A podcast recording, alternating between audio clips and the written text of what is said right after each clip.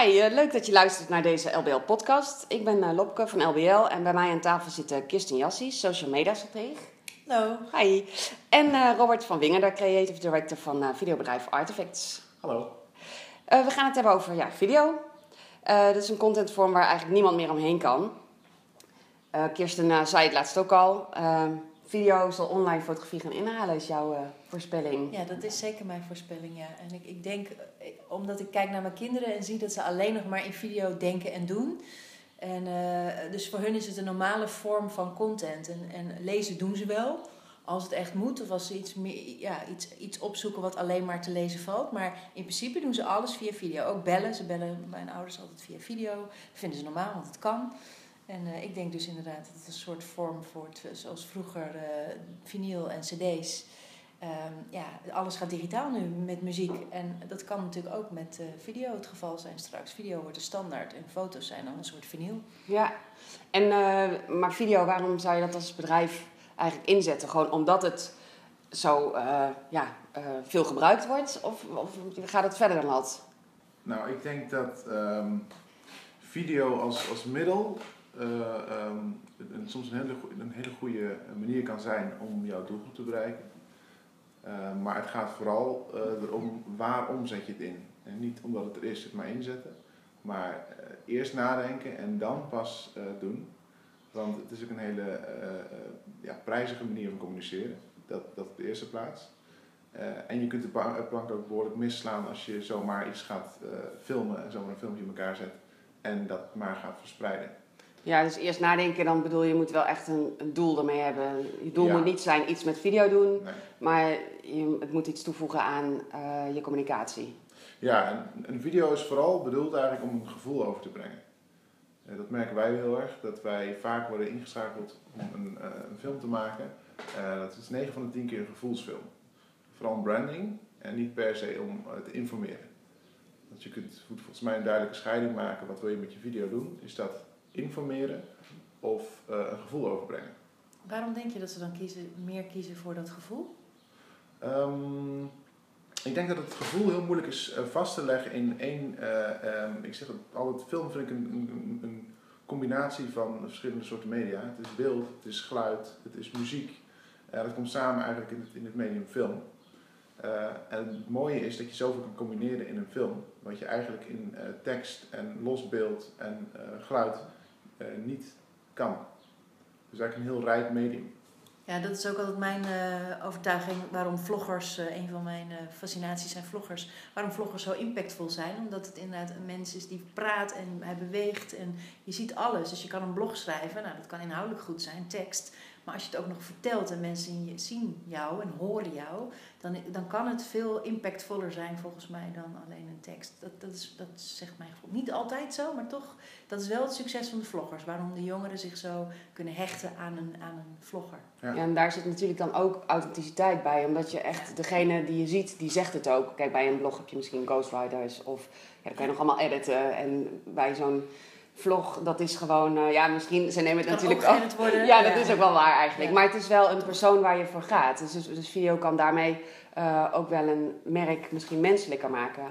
Hoewel, uh, als je een vlogger inzet voor je merk, moet je volgens mij ook wel uh, goed opletten. Um, ja, of je dat wil en waarom. Ja, precies. Ja. Ja, want een vlogger, dan kom je eigenlijk bij het onderwerp influencer marketing meteen. En waarom zet je influencer marketing in? Vaak omdat je aan je naamsbekendheid of uh, vindbaarheid wilt werken. Oh, die wil je vergroten. Als je die wil vergroten, dan is het goed om te kijken... is er een, een invloedrijke videomaker die mij daarbij kan helpen. En dan moet je vooral natuurlijk naar de doelgroep kijken van die, van die videomaker. Van past die bij mij? Wil ik die bereiken? En dan is influencer marketing of het inzetten van een vlogger slim om te doen... Maar ja, dan moet je inderdaad kijken welke vlogger uh, past ook bij jouw content. En, ja. uh, en, kan het een beetje op een natuurlijke manier uh, overbrengen.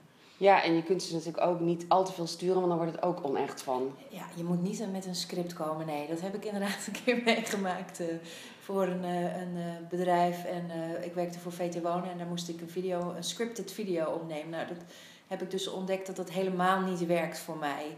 ik moet echt gewoon een beetje in de, gewoon kunnen kletsen. Want dat is, past bij mij. En het werkt niet als ik iets op moet lezen. komt heel ongeloofwaardig over. Ja, dat kan ik me voorstellen, ja. ja.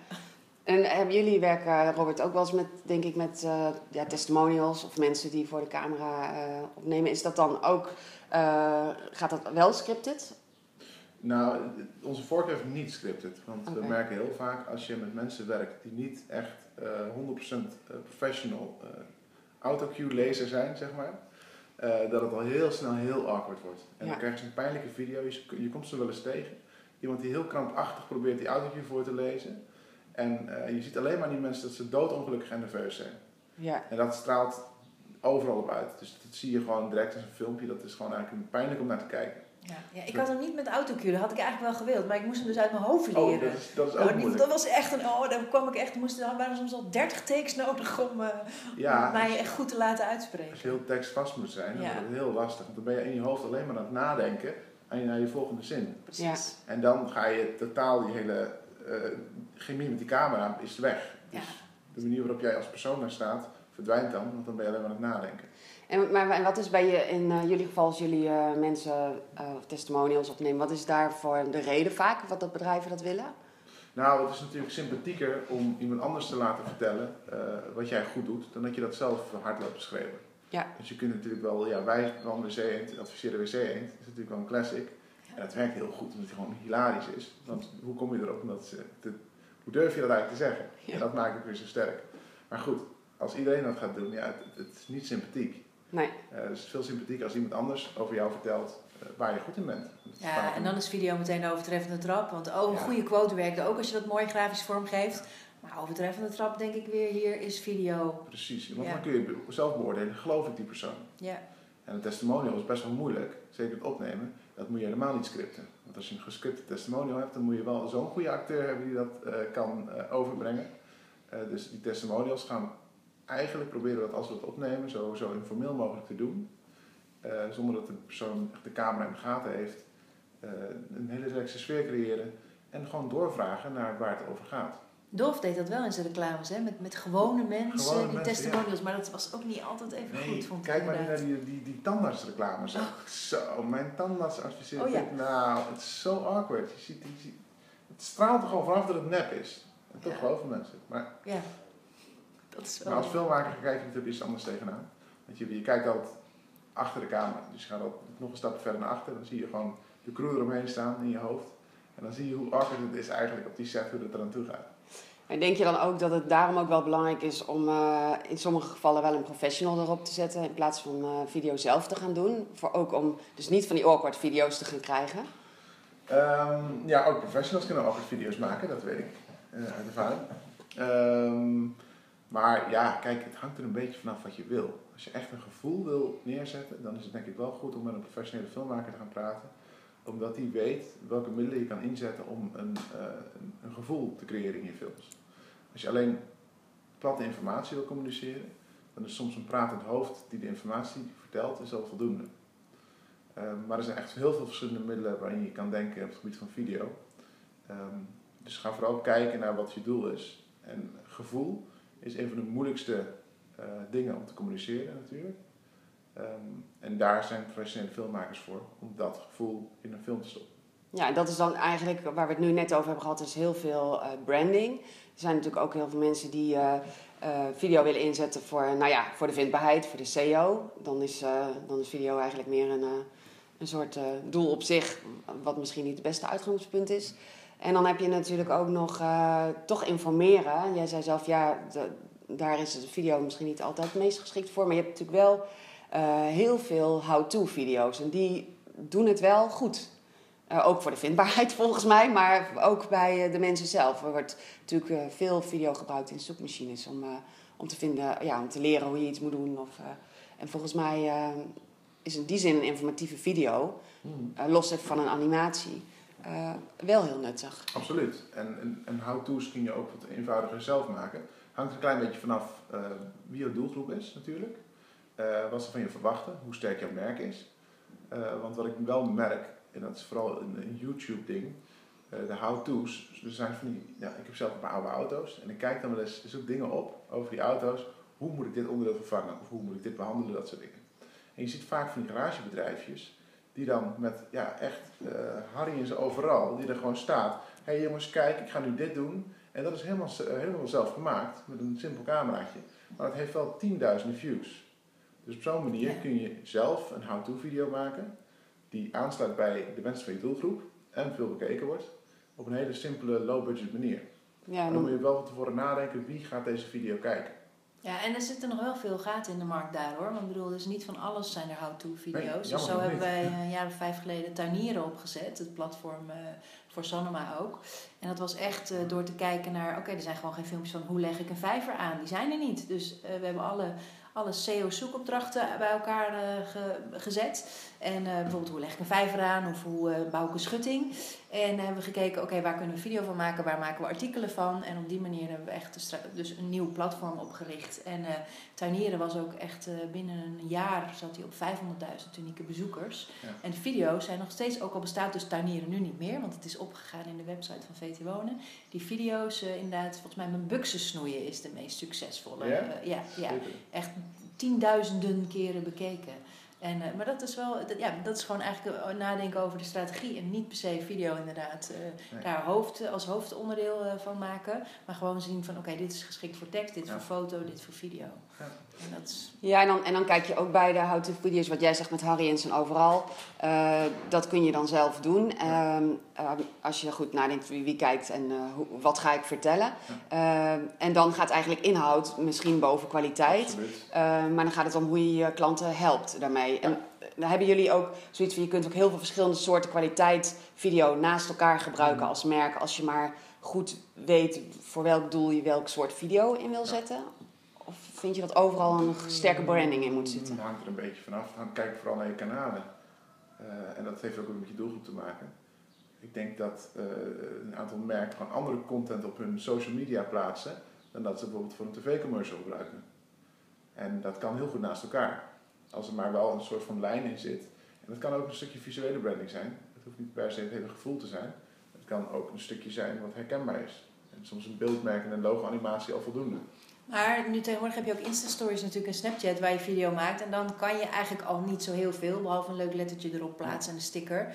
Dus dan moet het gewoon in het type content zitten. En dan mag het best wel uh, laagdrempelig zijn en hoeft het niet per se hoge kwaliteit te zijn. Maar het is wel leuk, want ik las namelijk een artikel van de Britse Folk laatst. Over dat die dus wel hun art director heeft laten nadenken over Insta-stories en, en video en Snapchat op social. Eh, dat, er wel eens, dat, dat ze verschillende pijlers hebben bedacht, waar dus wel elementen bij horen. Bijvoorbeeld een human interest verhaal op Insta-stories. Beginnen ze altijd met een sterk beeld, met een grafische tekst eroverheen. En zo hebben ze dus wel dingen gedefinieerd voor de. Ja, dat lijkt me heel belangrijk als je als, als, als merk daar wel over nadenkt. Niet zomaar lukraak alles erop gaat uh, slingeren. Nee, sowieso. Maar er kan wel uh, verschillende soorten content kunnen naast elkaar bestaan. Ja, ja maar een kanaalstrategie per kanaal en over wat je daar wil laten zien. Uh, dat is natuurlijk sowieso slim. Ik denk dat heel veel merken wel uh, ook gewoon maar beginnen met sommige social media zodra het nieuw is. Zo van we moeten daar zijn. En dan pas aldoende denken, wacht even, uh, het moet nu wel passen bij, bij de rest. En dan een, een soort formats gaan bedenken, ja. waar jij het eigenlijk net ook over hebt. Ja. Ehm, maar daarin zit misschien ook wel uh, uh, een nieuwe rol voor professionele uh, videobedrijven of content marketingbureaus. Door, om mensen te adviseren hoe ze zelf goede video's kunnen maken. Want Absoluut. ik kan me herinneren dat jij mij een keer vertelde over een bedrijf dat wel zelf video's ging maken en dat dat niet zo heel goed uitpakte. Nee. Nou ja, je moet vooral heel eerlijk tegenover jezelf kunnen zijn. wat kan ik zelf? wat wil ik? Waar wil ik me mee meten? En wat moet de output worden?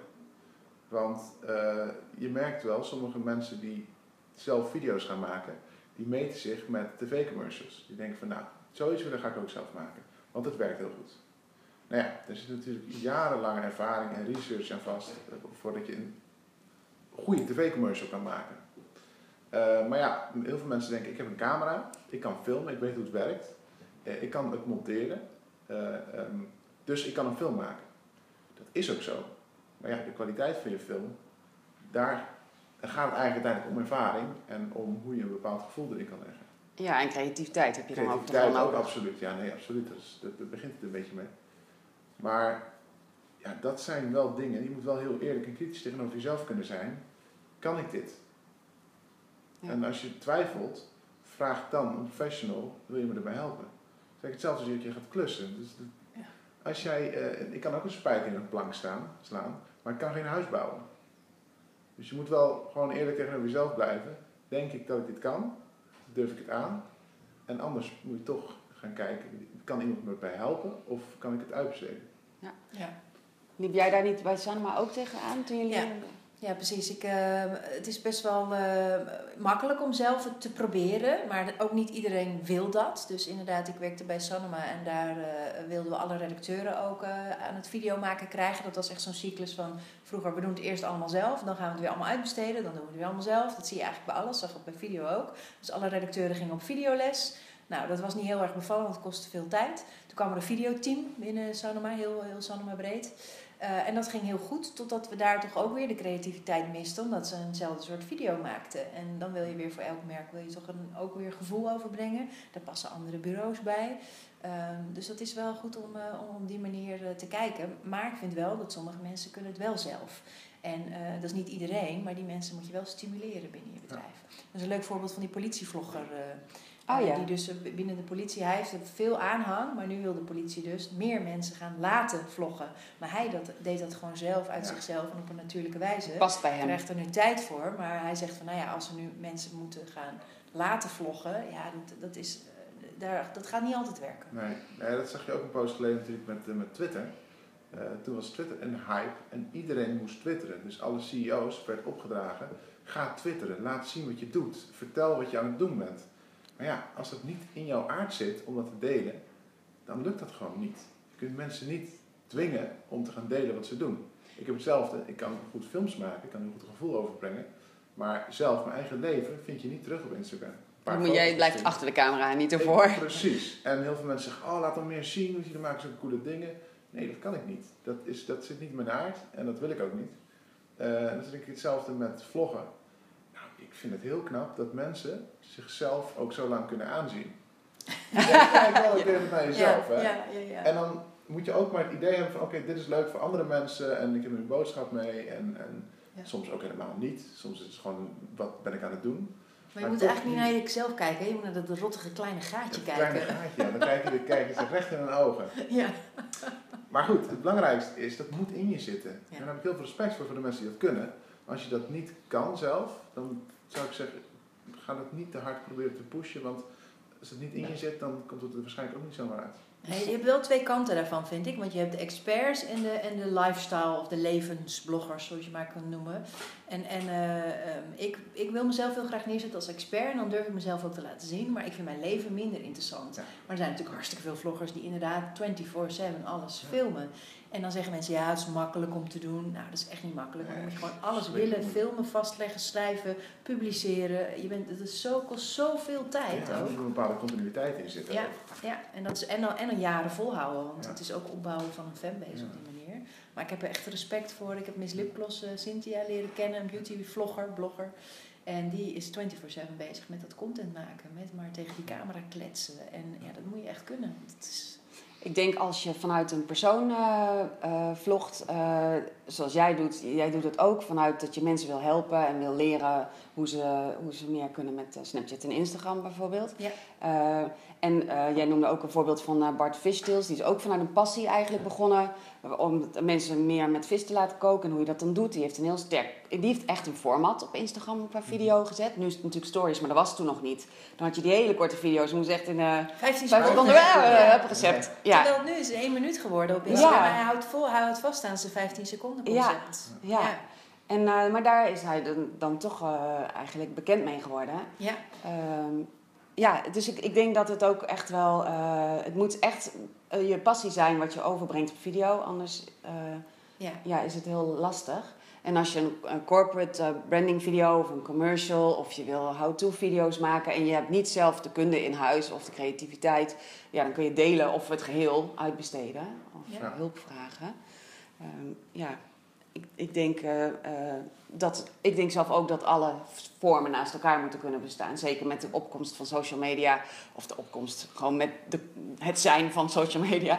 Dat, uh, dat je nu daar toch wel heel veel video's krijgt. En de mensen in je bedrijf die dat goed kunnen en leuk vinden, het moet ook gewoon moet laten doen en een beetje moet loslaten. Net als, social, net als twitteren of op LinkedIn berichten posten of bloggen. Mensen die dat in zich hebben, stimuleren ja. binnen je bedrijf. Ja, zeker weten. Ja. En het is natuurlijk ook zo dat Insta-stories, je moet het dus, het is een middel, maar Insta-stories kun je inzetten om de betrokkenheid met je bestaande fans te vergroten. Dus Insta-stories is niet een middel om nieuwe fans aan je te binden. Het is echt, het is de mensen die je al volgen die dat zien. Dus dat heeft ook weer een, uh, een doel. En uh, je hoeft het niet lukraak in te zetten. Dus dat is, maar het is heel geschikt om je mensen van je bedrijf te laten zien, inderdaad. Als die het willen, nou geef de Insta-stories aan hun, zou ik zeggen. Ja, nou dat lijkt me een hele goede tip. Uh, ik heb het gevoel dat we het allemaal wel eens zijn over dat video er gewoon bij hoort. Maar dat je het niet moet doen omdat iedereen het doet. Dat je echt goed moet nadenken wat je doel is, buiten misschien SEO. Want ja, video is natuurlijk wel heel nuttig uh, voor je vindbaarheid. Um, dus eigenlijk samenvattend, misschien bepaal je doel. Uh, kijk welk verhaal je in de video wil vatten. Kijk of je het zelf kunt. Zo niet, vraag advies of laat het door een ander doen. Uh, want ja, het is waardevolle content. En als het maar wel past bij wie je als merk wil zijn, denk ik belangrijk, heel belangrijk. Nou, je kan ook nog kijken naar uh, YouTube zelf. Heeft de Hero Hub Hygiene strategie. Uh, kan je gewoon vinden online. En dat is eigenlijk gewoon een content marketing strategie. Ja, maar dan met video. En dat houdt in, ik vind het gewoon een hele slimme uh, aanpak. nummer 1, je gaat content maken om gevonden te worden. Dus SEO content, how-to's. Want mensen typen iets in in YouTube of Google en vinden dan die content. Content die je altijd biedt. Die ja, wat tijdlozer is. Precies, ja. Dus, content. hoe snoei ik mijn buxus? Nou, dan, komen, dan, zien, dan vinden ze die content en dan uh, wat dan de bedoeling is daarna, de stap daarna is hub content. En dat betekent dat is content die je maakt om mensen bekend met jou te laten maken. Dus dan ga je bijvoorbeeld twee keer per week een video plaatsen uh, met een bekende influencer, de, de, hub zeg maar, die jou gaat helpen om een band te creëren met jouw volgers, zodat ze je gaan herkennen. Nou, en dat, dat is dus de, de hub content. En vervolgens kun je hero content gaan maken. Echt je eigen content, content uit het hart van je bedrijf. Dat kan pas als mensen je kennen. Dus dat is eigenlijk een beetje hetzelfde als, als, als wat geldt voor een website. Maar het is een hele makkelijke, slimme strategie uh, om op te pakken als je gaat starten met ja. content en video. Nou, en ik denk de hygiëne content, de, de help content, dat dat ook heel vaak uh, video is waarbij je misschien meer je merkidentiteit inlegt. Dus uh, waar je meer scripting hebt of meer echt nadenkt van hoe past het binnen de strategie. Bij Hub ook, hè, dat zijn meer de golven in je communicatie, dat je meer pieken hebt. En Hero, ja, dat zijn ook wel vaak natuurlijk een beetje inhakers, uh, actueler, snellere content. Dus dan heb je misschien meer, meer de social video's. Ja, ja, dat is waar. Inderdaad, hero content past heel goed ook op social. Ja. Omdat het al, de mensen je al kennen. Dus, dus ja. in dat geval uh, probeer je de mensen te betrekken waar je al een band mee hebt. Ja, want social video inzetten, dat, dat doe, je, doe je voor de mensen die jou al kennen. Ja. Want anders uh, vinden ze je niet. En je help content of je hygiene content is echt de dat, zijn de video's waar we het dan uh, nu over hebben, waar mensen opkomen via Google. Uh, ja, en dat heb je natuurlijk op, op, je wordt op Facebook en Instagram, daar word je niet gevonden op video. Dus dat is ook het grote mankement. Uh, uh, daar moet je voor adverteren. Dat is eigenlijk de oplossing voor Facebook en Instagram. Je content promoten. Ja, precies. Maar die how-to's, die kun je ook prima op Facebook plaatsen om je doelgroep te helpen. Maar het is natuurlijk slim om die inderdaad op een, in een YouTube filmpje te zetten, omdat je dan vindbaar bent voor Google en voor YouTube. ja. ja. Nou, hebben jullie tot slot nog een goede tip voor mensen die video willen gaan inzetten of hun videostrategie misschien willen verbeteren? Mm, ja, ik denk dat het erg belangrijk is dat je uh, vooral kijkt naar het doel dat je hebt uh, met video. Um, en vooral ook nadenkt over het gevoel wat in je film zit. Welk gevoel moet jouw kijker krijgen bij het zien van jouw video? En dat is denk ik een van de belangrijkste dingen. Want daar is medium uitermate geschikt voor om het gevoel over te dragen. Ja. Ja, en ik ben vooral natuurlijk van de social eh, video. En dan zeg ik toch tegen alle bedrijven, ga experimenteren. Omdat heel veel mensen het gewoon nog niet weten. En ehm, ehm, als je dus inderdaad een goede Facebook-fans, uh, een goede basis met Facebook-fans hebt en Instagram of Instagram-fans, ga dan eens aan de slag met stories om die uh, band met je volgers te uh, verbeteren. En daar moet je mee experimenteren, want er zijn nog geen keiharde regels voor wat werkt en wat niet. Nee, soms moet je ook gewoon proberen en misschien eerst op je bek gaan. Ja, precies. Maar zeker. ja, durf gewoon te proberen. En, uh, Hou die camera eens voor je gezicht. Dat is altijd mijn tip bij, uh, bij, als ik trainingen geef. Dan laat ik mensen eerst een videootje van zichzelf maken. En dat vinden ze heel moeilijk. Maar daar moeten we echt aan wennen. Want ik geloof heilig dat het het format van de toekomst is. Dus je moet het, gooi alle, alle gênes weg. Je moet gewoon op video. Video is de toekomst, je moet het gewoon gaan doen. Ja. Bedankt voor het gesprek. Dankjewel.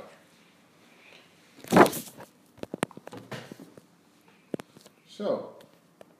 24 minuten 53.